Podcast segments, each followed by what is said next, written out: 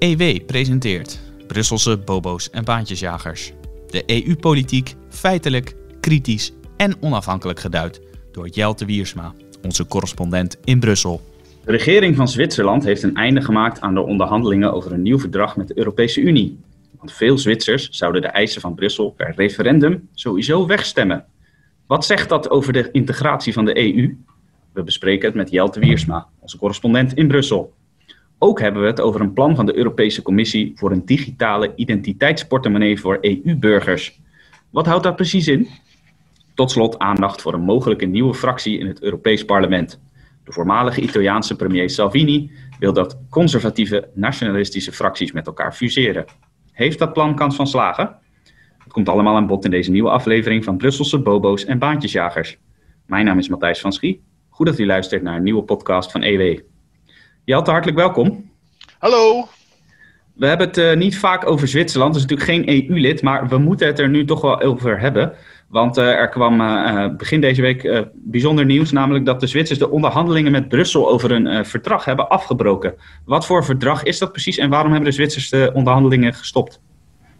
Ja, er is een verdrag tussen Zwitserland en de Europese Unie dat eigenlijk bestaat uit tientallen verdragen. Je moet je voorstellen, Zwitserland is inderdaad geen EU-lid, maar heeft de afgelopen decennia wel allerlei bilaterale verdragen gesloten met die Europese Unie. In totaal gaat het dan om zo'n 120 verdragen. En dat gaat dan over uh, productstandaarden, uh, bijvoorbeeld zodat Zwitserse goederen op de interne markt van de EU kunnen worden verkocht. het gaat um, ook over bijvoorbeeld Schengen. Zwitserland is um, deel van de paspoortzone, de douanezone Schengen. Dus als jij um, Amsterdam binnenvliegt uh, uh, vanuit Amerika bijvoorbeeld, dan uh, kan jij daarna paspoortvrij doorvliegen naar Zurich in Zwitserland, als je dat wil. Dus op die manier heeft Zwitserland allerlei verdragen met de Europese Unie. Nou, de Europese Unie wil daarvan af. Die wil één, één groot verdrag met Zwitserland sluiten. En de Europese Commissie die wil ook veel meer uh, zeggenschap over Zwitserland um, in dat nieuwe verdrag. En daarvan heeft de Zwitserse bondsregering, de bondsraad moet ik zeggen, gezegd van dat uh, gaan wij na zeven jaar onderhandelen niet voorleggen aan ons parlement en aan onze burgers in een referendum, want dit sneuvelt toch. Ja, om, uh, je zegt de EU wil meer zeggenschap over Zwitserland. Om wat voor zaken gaat het dan concreet? Welke eisen stelt die EU? Nou, een van de belangrijke eisen is dat zij willen dat Zwitserland onder het uh, Europees Hof van Justitie in uh, Luxemburg gaat uh, resideren. En dat willen de Zwitsers absoluut niet. Dat zou betekenen dat de hoogste Zwitserse rechter effectief in Luxemburg komt te zitten. Dat is nu voor Nederland bijvoorbeeld wel zo. En dit was in de Brexit-discussie ook een van de belangrijke punten van het Verenigd Koninkrijk. Die zei: wij willen per se niet dat het Hof van Justitie de hoogste rechter is. Wij willen per se uh, daarbuiten staan. Um, en uh, dat is natuurlijk heel belangrijk, want de, een, rechter, zoals we weten uit de recente uitspraak van de rechter in Nederland over Shell, heeft enorme macht. En dat mag je niet onderschatten. en ook een enorme eenwordende macht en een dwingende macht waar je uiteindelijk ook niet meer in uh, beroep uh, tegen kunt gaan. Althans in het geval van de, het Hof van Justitie in Luxemburg. Dus dat was een belangrijk punt. Een ander belangrijk punt was toelating tot het sociale systeem van uh, eh, EU-burgers. Het is nu zo dat Zwitserland een gesloten sociale verzorgingsstaat heeft. Waarbij Zwitsers hele aantrekkelijke uitkeringen krijgen. Uh, maar dat is alleen maar voor Zwitsers. En de EU die wilde dat het wordt opengebroken en dat zij uh, gaan werken onder de voorwaarden, waaronder bijvoorbeeld ook Nederland uh, opereert. Dat als jij hier als Bulgaar in Nederland zou komen werken en je werkt hier enige tijd, dat je meteen dan recht hebt als je je baan verliest op de arrangementen van dat sociale uh, systeem.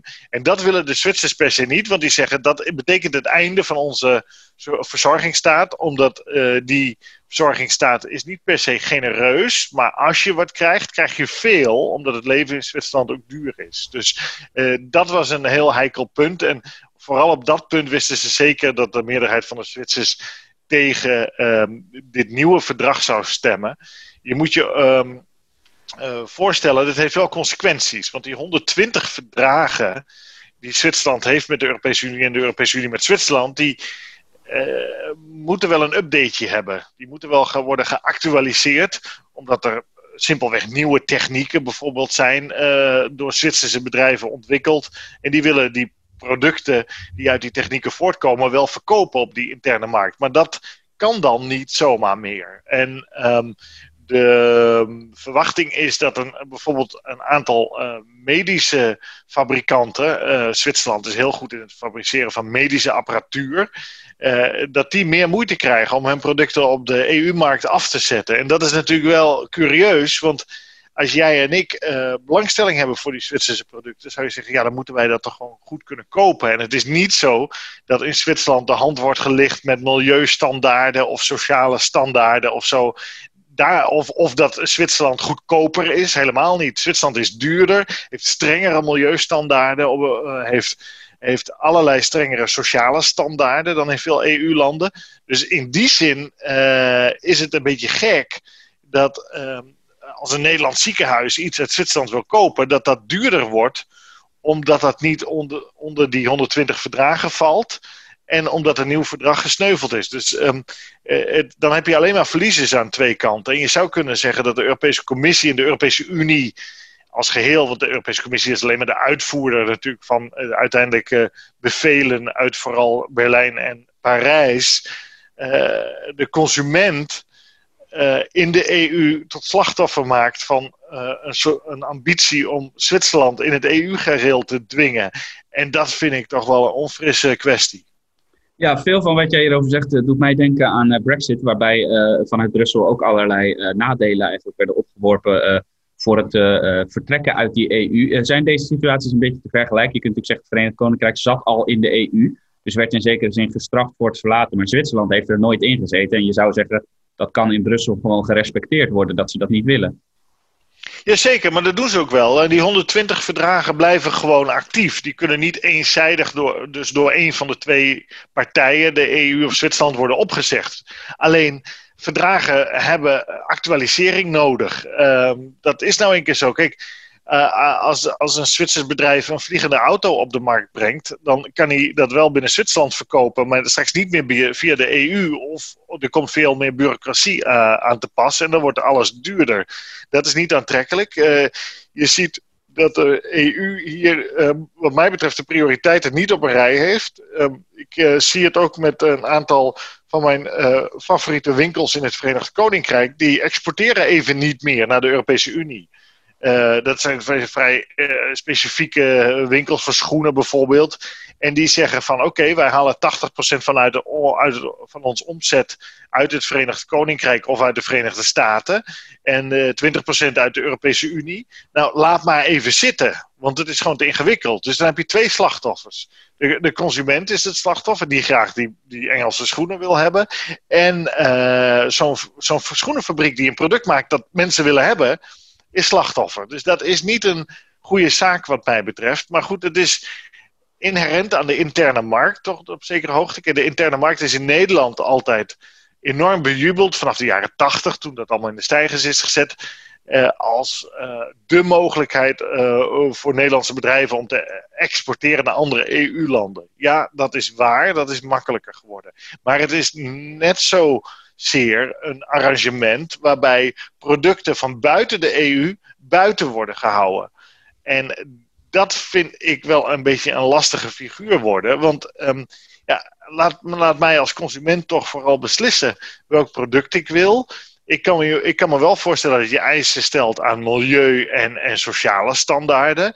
Uh, dat je zegt van ja, maar u kunt niet uh, dezelfde schoen voor 40% goedkoper gaan verkopen op de EU-markt dan een EU-producent die kan maken, omdat uw sociale standaarden veel lager zijn. Maar ja, als je kijkt dan naar wat voor rotzooi er allemaal uit China binnenkomt, dan is dat helemaal geen probleem. En dan denk ik, hé, hey, als een paar schoenen uit het Verenigd Koninkrijk niet binnen kunnen komen, dat is toch niet een bananenrepubliek, lijkt mij, maar wel allerlei plastic speelgoed en weet ik wat voor spullen uit China. Ja, dan uh, loopt er iets helemaal verkeerd volgens mij. En uh, um, maar goed, Frankrijk en Duitsland, ehm, die zitten altijd op deze lijn. Zeker Frankrijk heeft heel erg deze politiek. Dat deden ze tijdens Napoleon ook al. Hè? Toen Napoleon de baas was, deden ze precies hetzelfde. Sloten ze eigenlijk het Europese continent dat gedomineerd wordt door Frankrijk af van de, van de rest van de wereldhandel. Het leidde meteen tot armoede in een groot deel van Europa. Dus uh, doe dat toch niet. Dat is werkelijk waar onverstandig. Ja, als we dan nog even uitzoomen en uh, naar Zwitserland kijken, dan, dan haal ik even een, een, artikel aan dat jij afgelopen week hebt geschreven. Een zeer goed gelezen artikel. waarin je eigenlijk zei dat het Zwitserse nee, dat dat heel veel zegt over de manier waarop EU-integratie verloopt. en vooral ja. als het gaat om het rekening houden met burgers. kun je daar wat meer over vertellen? Ja, kijk, in Zwitserland wordt vier keer per jaar in een referenda um, abgestimd, zoals ze dat daar zeggen. Althans in het Duits-talige deel. Ja, dat en, nogal wat, hè? Nogal wat talen daar. Ja, vier, hè? Uh, Duits, Frans, dus Italiaans en Retro-Romaans. En uh, Zwitserland werkt als een soort kleine Europese Unie met 26 kantoons. Nou, de uh, uh, Europese Unie heeft 27 landen, waarbij die 26 kantoons de bouwstenen zijn van een confederatie. Dus Zwitserland is een confederatie. Dat is net iets anders dan een federatie. Uh, waarbij de meer macht gecentraliseerd is. Uiteindelijk ligt alle macht bij die kantoons. En um, als zij iets willen veranderen in Zwitserland aan de grondwet of eh, bijvoorbeeld zo'n verdrag eh, eh, tekenen, dan moeten minimaal, ik geloof, drie kwart van de kantoons instemmen. En dan moet er dus een referendum worden gehouden.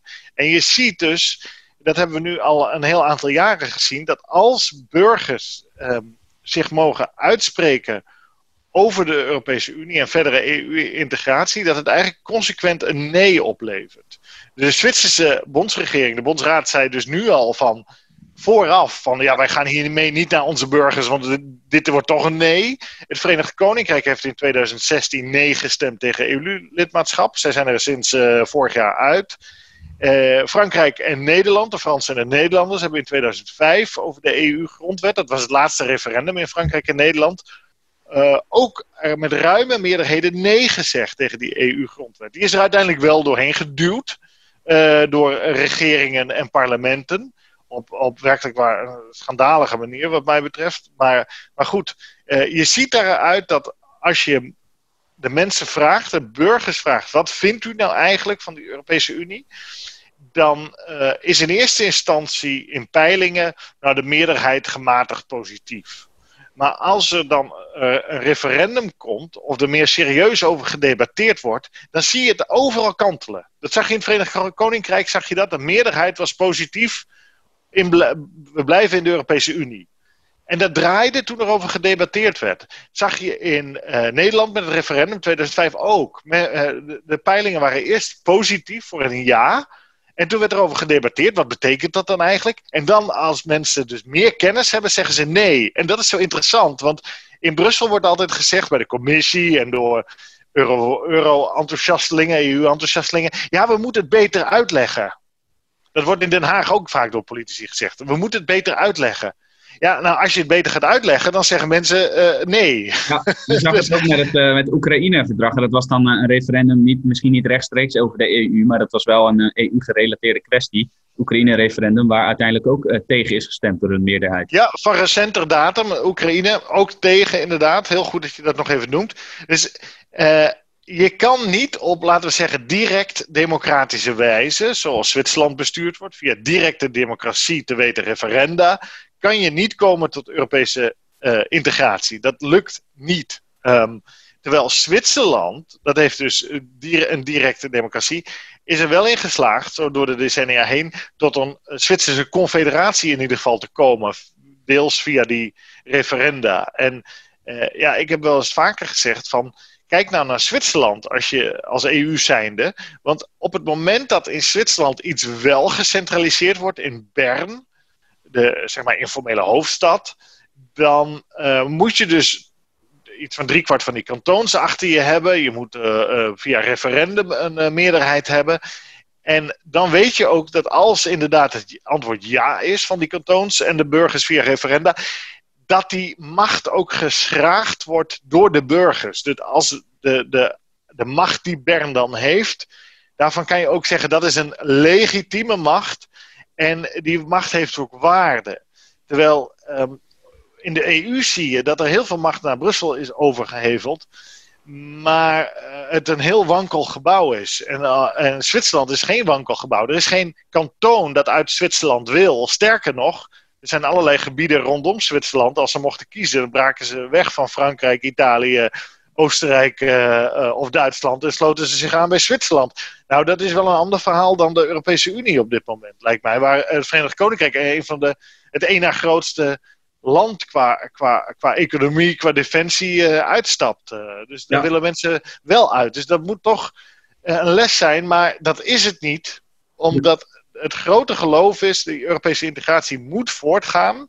Bij, bij bestuurlijke klassen, bij, bij economische klassen, bij juridische klassen.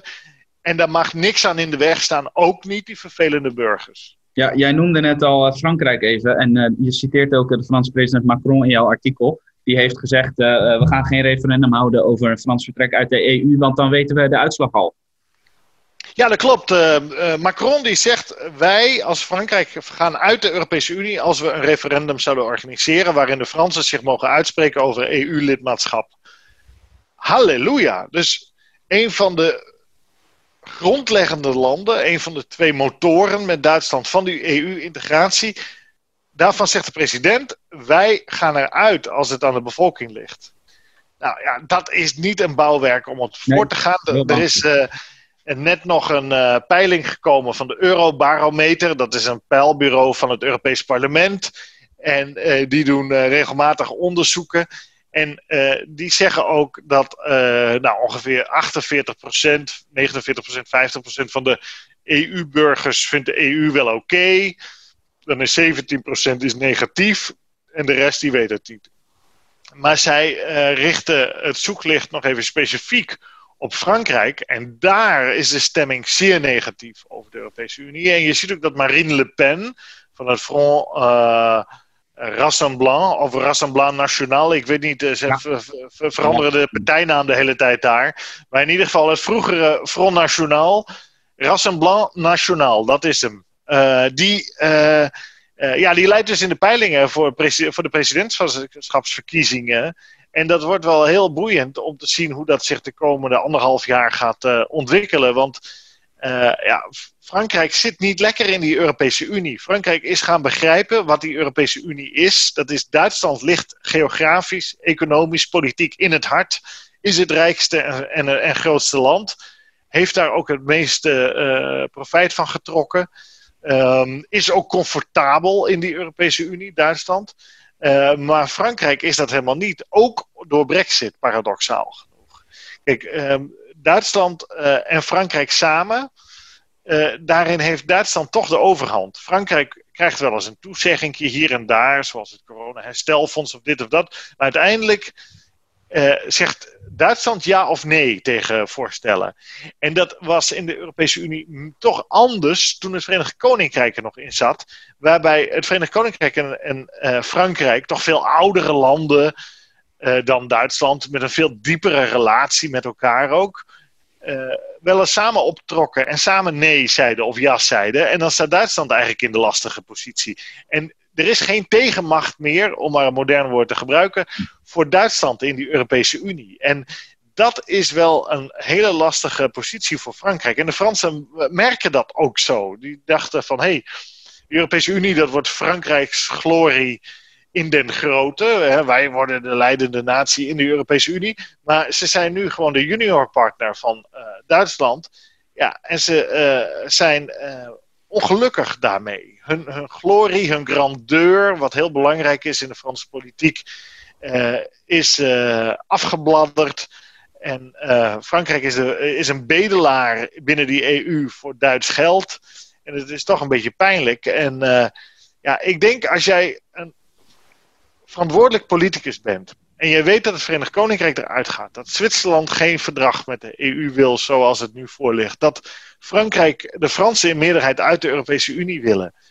Dan moet je wel heel snel actie gaan ondernemen om te zeggen: oké, stop tot hier en niet verder. die integratie is nu wel ver genoeg gegaan.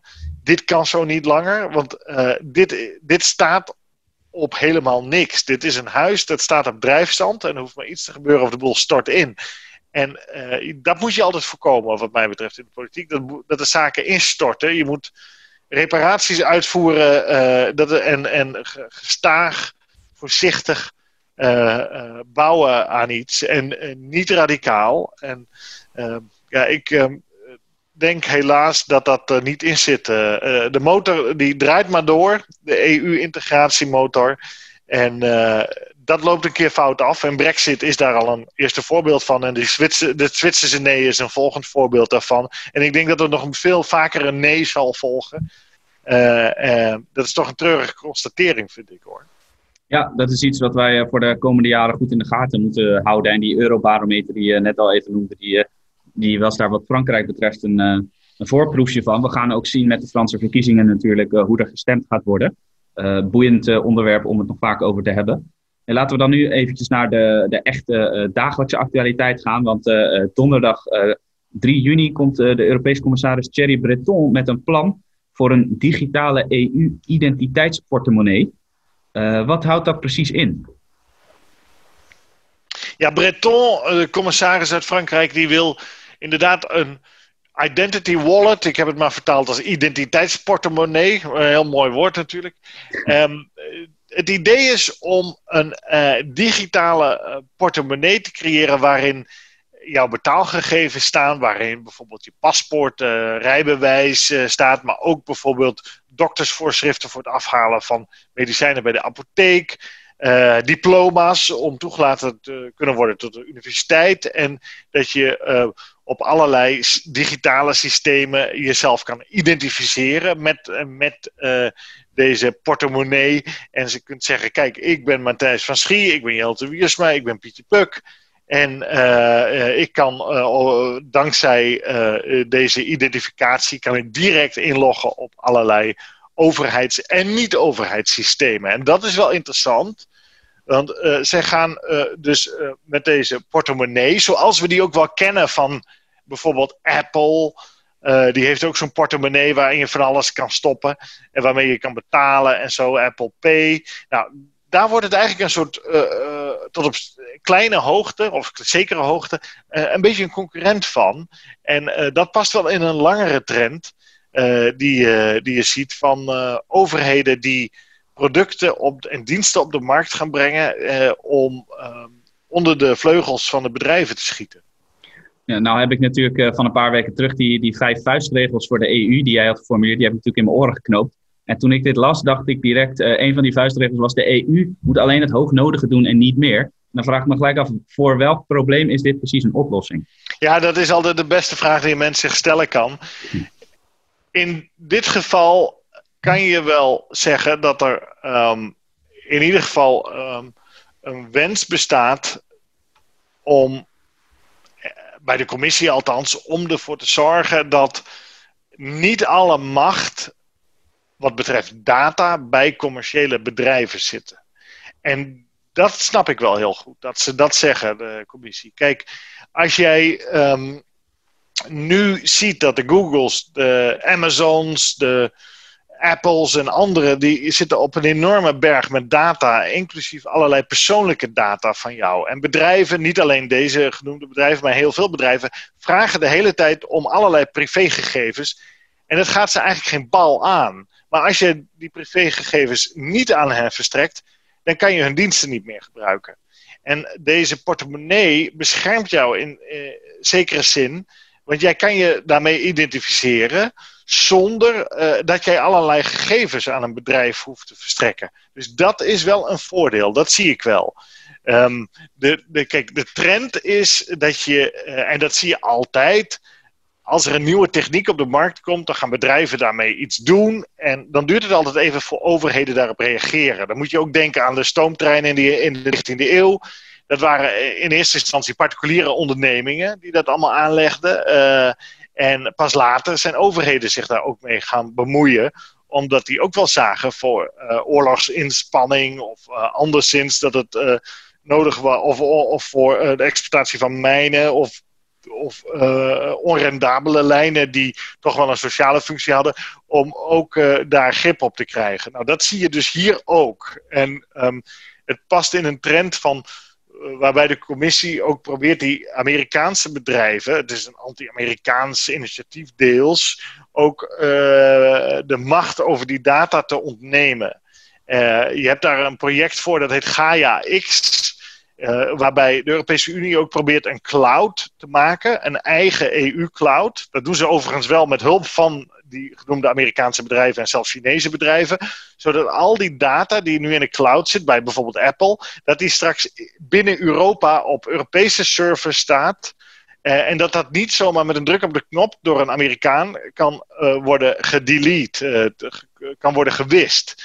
En um, uh, je ziet ook uh, dat privacy een grotere zorg is geworden. Dat, die trend zie je ook. Dat, uh, en daar is het Europees Parlement, vind ik wel heel goed in. En de commissie ook wel. Die zeggen, ja, moet al die data wel beschikbaar zijn voor bedrijven enzovoort? Moeten we dat niet in overheidshanden brengen en ervoor zorgen dat dat met allemaal privacy waarborgen is omkleed, zodat uh, al die data van mensen uh, het eigendom is van mensen zelf, van burgers zelf. En niet van bedrijven, maar ook niet van overheden.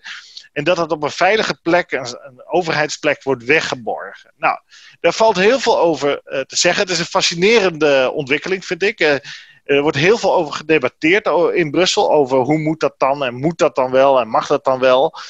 Ik zou wel zeggen, wees nou een beetje voorzichtig om dat op EU-niveau meteen te doen want er zijn een aantal landen die hebben nog helemaal niet zoiets. Nederland heeft natuurlijk DigiD.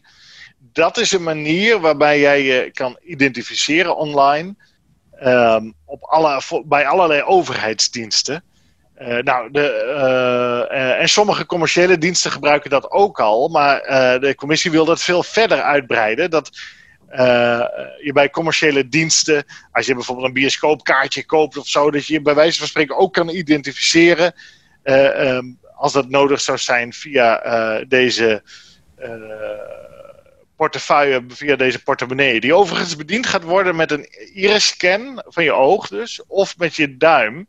En het wordt een app op je, op je mobiele telefoon, op je smartphone. Dat is het idee. Eén grote vrees heb ik eigenlijk vooral. Is het wel in goede handen bij de Europese Unie? Ja. Dat is de grootste vrees die ik heb.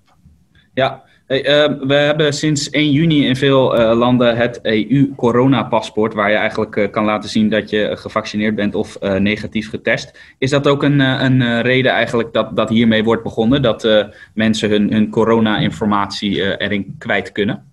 Jazeker, dat leidt tot een enorme versnelling. Corona heeft sowieso tot een versnelling van de digitalisering geleid en een versnelling van het idee in Brussel die uh, Schengen-regio met die open grenzen, die moet gered worden. Want wat zij zagen, dat zagen de regeringsleiders natuurlijk ook, die deden dat. Die sloten meteen de grenzen toen er paniek was. Uh, afgelopen voorjaar, hè, voorjaar 2020. Dus uh, daarvan zeggen eigenlijk alle regeringsleiders nu wel van dat willen we niet weer. En hoe kunnen we dat voorkomen?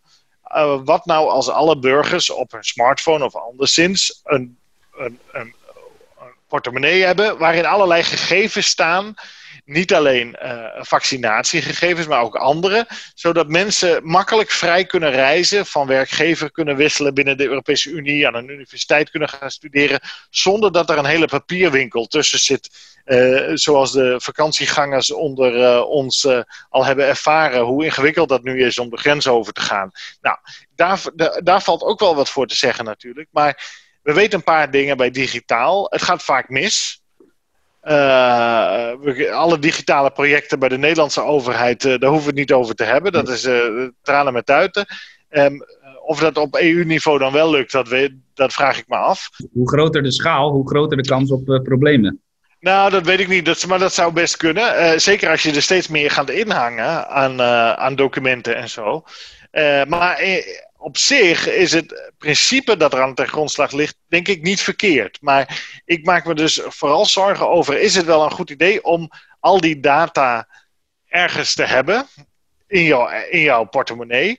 En uh, dat uh, de Europese Unie uiteindelijk weet dat jij al die data van jou, wat jij allemaal hebt, wie jij bent en zo daar zit wel een aarzeling bij mij. Natuurlijk, ze weten al heel veel. Want jij en ik zijn EU-burgers. We zijn geen Nederlandse burgers alleen meer, wij zijn ook EU-burgers.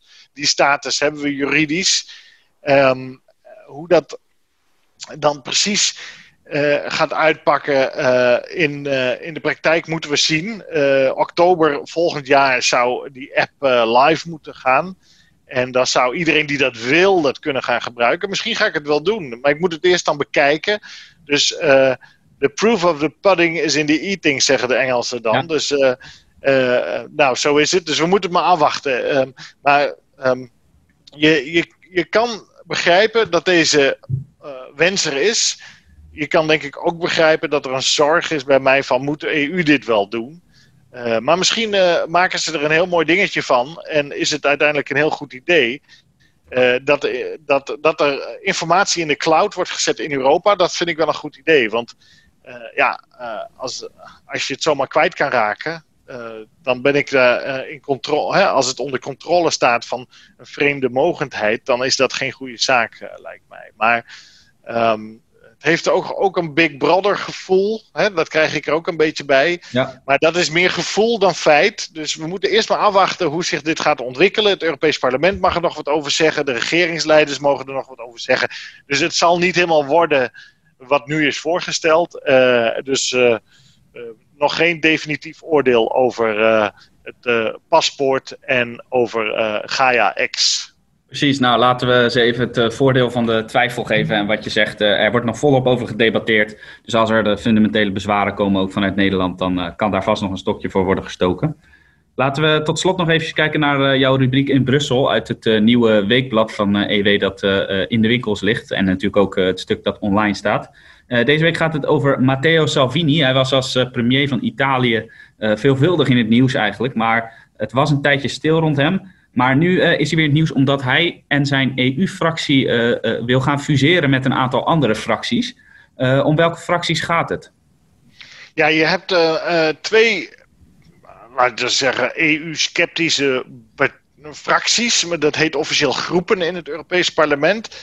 Je hebt eentje, dat is de conservatieven en hervormers. Daarin is de Poolse regeringspartij PiS de grootste macht. En daarnaast heb je Um, uh, de club van Salvini en Le Pen uh, en Wilders, die zit daar ook bij.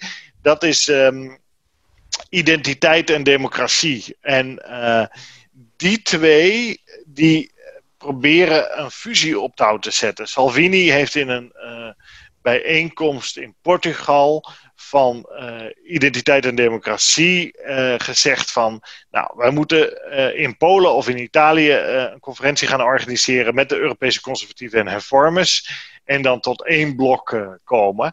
Hij heeft eerder in maart al gesproken met Viktor Orban, die is van Fidesz, de premier van Hongarije. En Orban die, is een afvallige van de Europese Volkspartij de Europese Volkspartij, dat is de machtspartij al meer dan twintig jaar in het Europese parlement en in de Europese Unie in brede zin. Uh, en daar zit het CDA bijvoorbeeld bij, de ChristenUnie zit daarbij. En uh, op enig moment leek het dat Fidesz en Orbán en de Oost-Europeanen in bredere zin, de echte conservatieven, de hardcore conservatieven, die Europese Volkspartij gingen overnemen.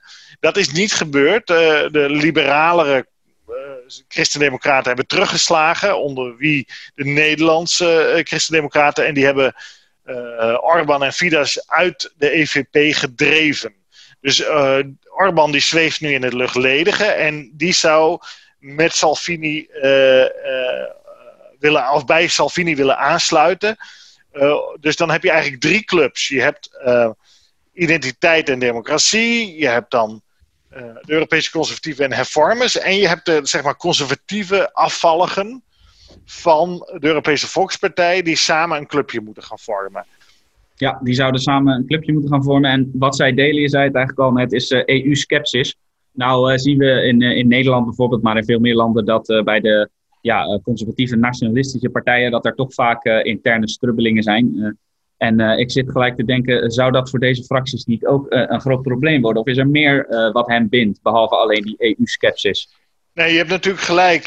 Ze vechten elkaar meestal de tent uit. Kijk, deze partijen die daar lid van zijn, zoals Fidesz, maar ook Front National of Rassemblement National en andere, die hebben vaak nogal de neiging om te draaien rond één sterke man of vrouw die het beeld heel erg bepaalt en die de koers uitzet. En dat botst al heel gauw als ze op EU-niveau gaan samenwerken omdat uh, dan zitten al die sterke mannen en vrouwen die geen tegenspraak eigenlijk binnen hun partij gewend zijn, die, die zitten dan met iemand anders en dan botsen ze meteen. Uh, daarbij komt ook nog dat ze totaal van mening verschillen. Kijk, ze zijn EU-sceptisch, uh, dat noem ik het maar even zo. maar sommigen zijn ronduit anti-EU, zoals de Partij van de Vrijheid van, van, van Geert Wilders. Die wil bijvoorbeeld uit de Europese Unie. En Wilders heeft een aantal jaren geleden in Mainz in Duitsland een toespraak gegeven. Dat was enige tijd nadat hij met Marine Le Pen in één club ging. Dat werd toen groot in Brussel gepresenteerd. Ik was daar ook bij met Le Pen en Wilders. En ja, toen gaf Wilders dus in Duitsland, in Mainz, een toespraak. Daar was uh, Le Pen-aanhang, AFD-aanhang natuurlijk uit Duitsland. En toen nam hij het op voor Joden en homo's. Nou, toen viel de zaal meteen stil. Oei. En dat was wel heel pijnlijk. Want ja, Joden en homo's zijn uh, binnen Front National of Rassemblement National en AFD niet per se geliefde uh, gasten. Dus dan zie je dat hij Wilders eerder een verlichte liberaal is of zoiets. ja.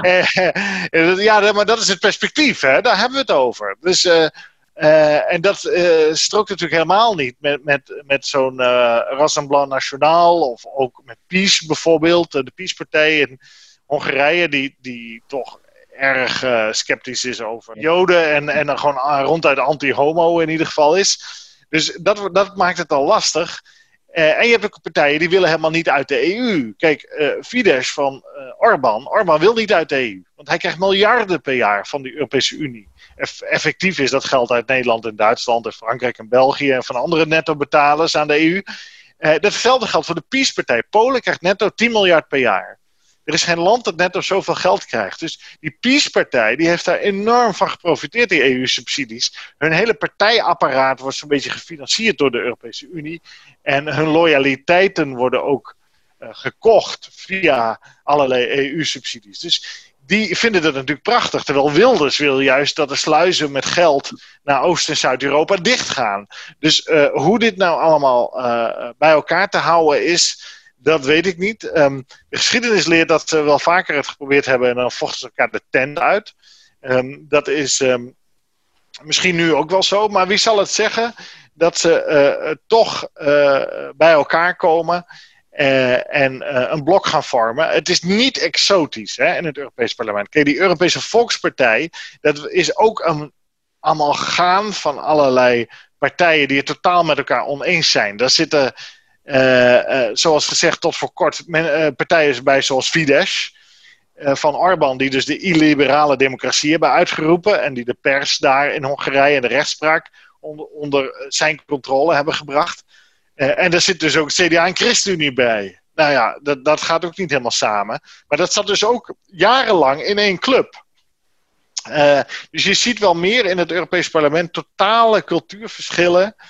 Uh, eh, partijen die in één club zitten, maar tegenstrijdige opvattingen hebben, tegengestelde opvattingen. Kijk naar de Sociaaldemocraten in Denemarken. Die sluiten uh, elke immigrant uh, die het land niet uit wil op op een eiland. Ze nemen de bezittingen af. Dat is een sociaaldemocratie in Denemarken. Hè? Dat is de regeringspartij daar. Dat is, dat is Wilders beleid. Als, je, als de Partij van de Arbeid, die in één fractie zit met deze sociaaldemocraten uit Denemarken, dat, dat van Wilders hoort, dan vinden ze het asociaal, onmenselijk en, en inhumaan en weet ik wat ze dan allemaal voor teksten hebben.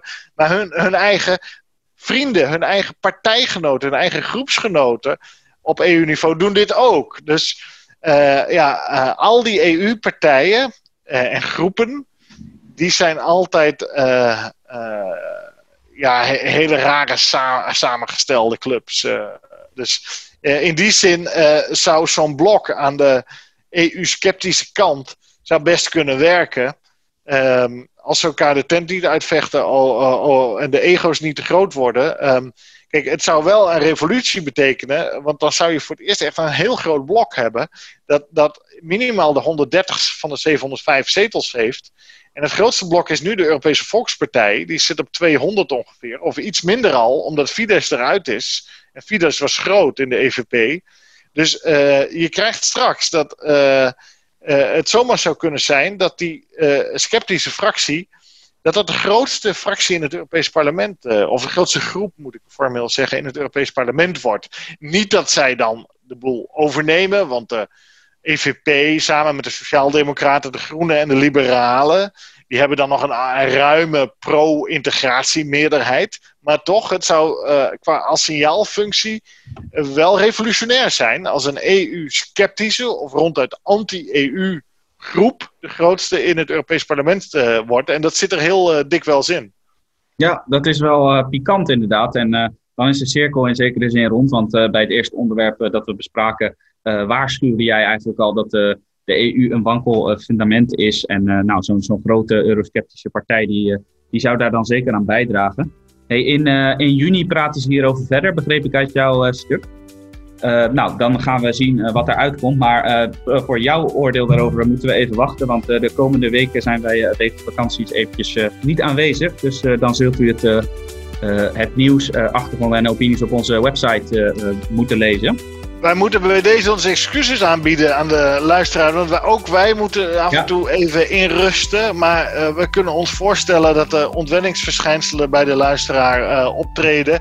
Um, maar um, hou het even drie weken vol. En u kunt weer een frisse dosis uh, Elsevier nuchterheid via de ether tot u nemen.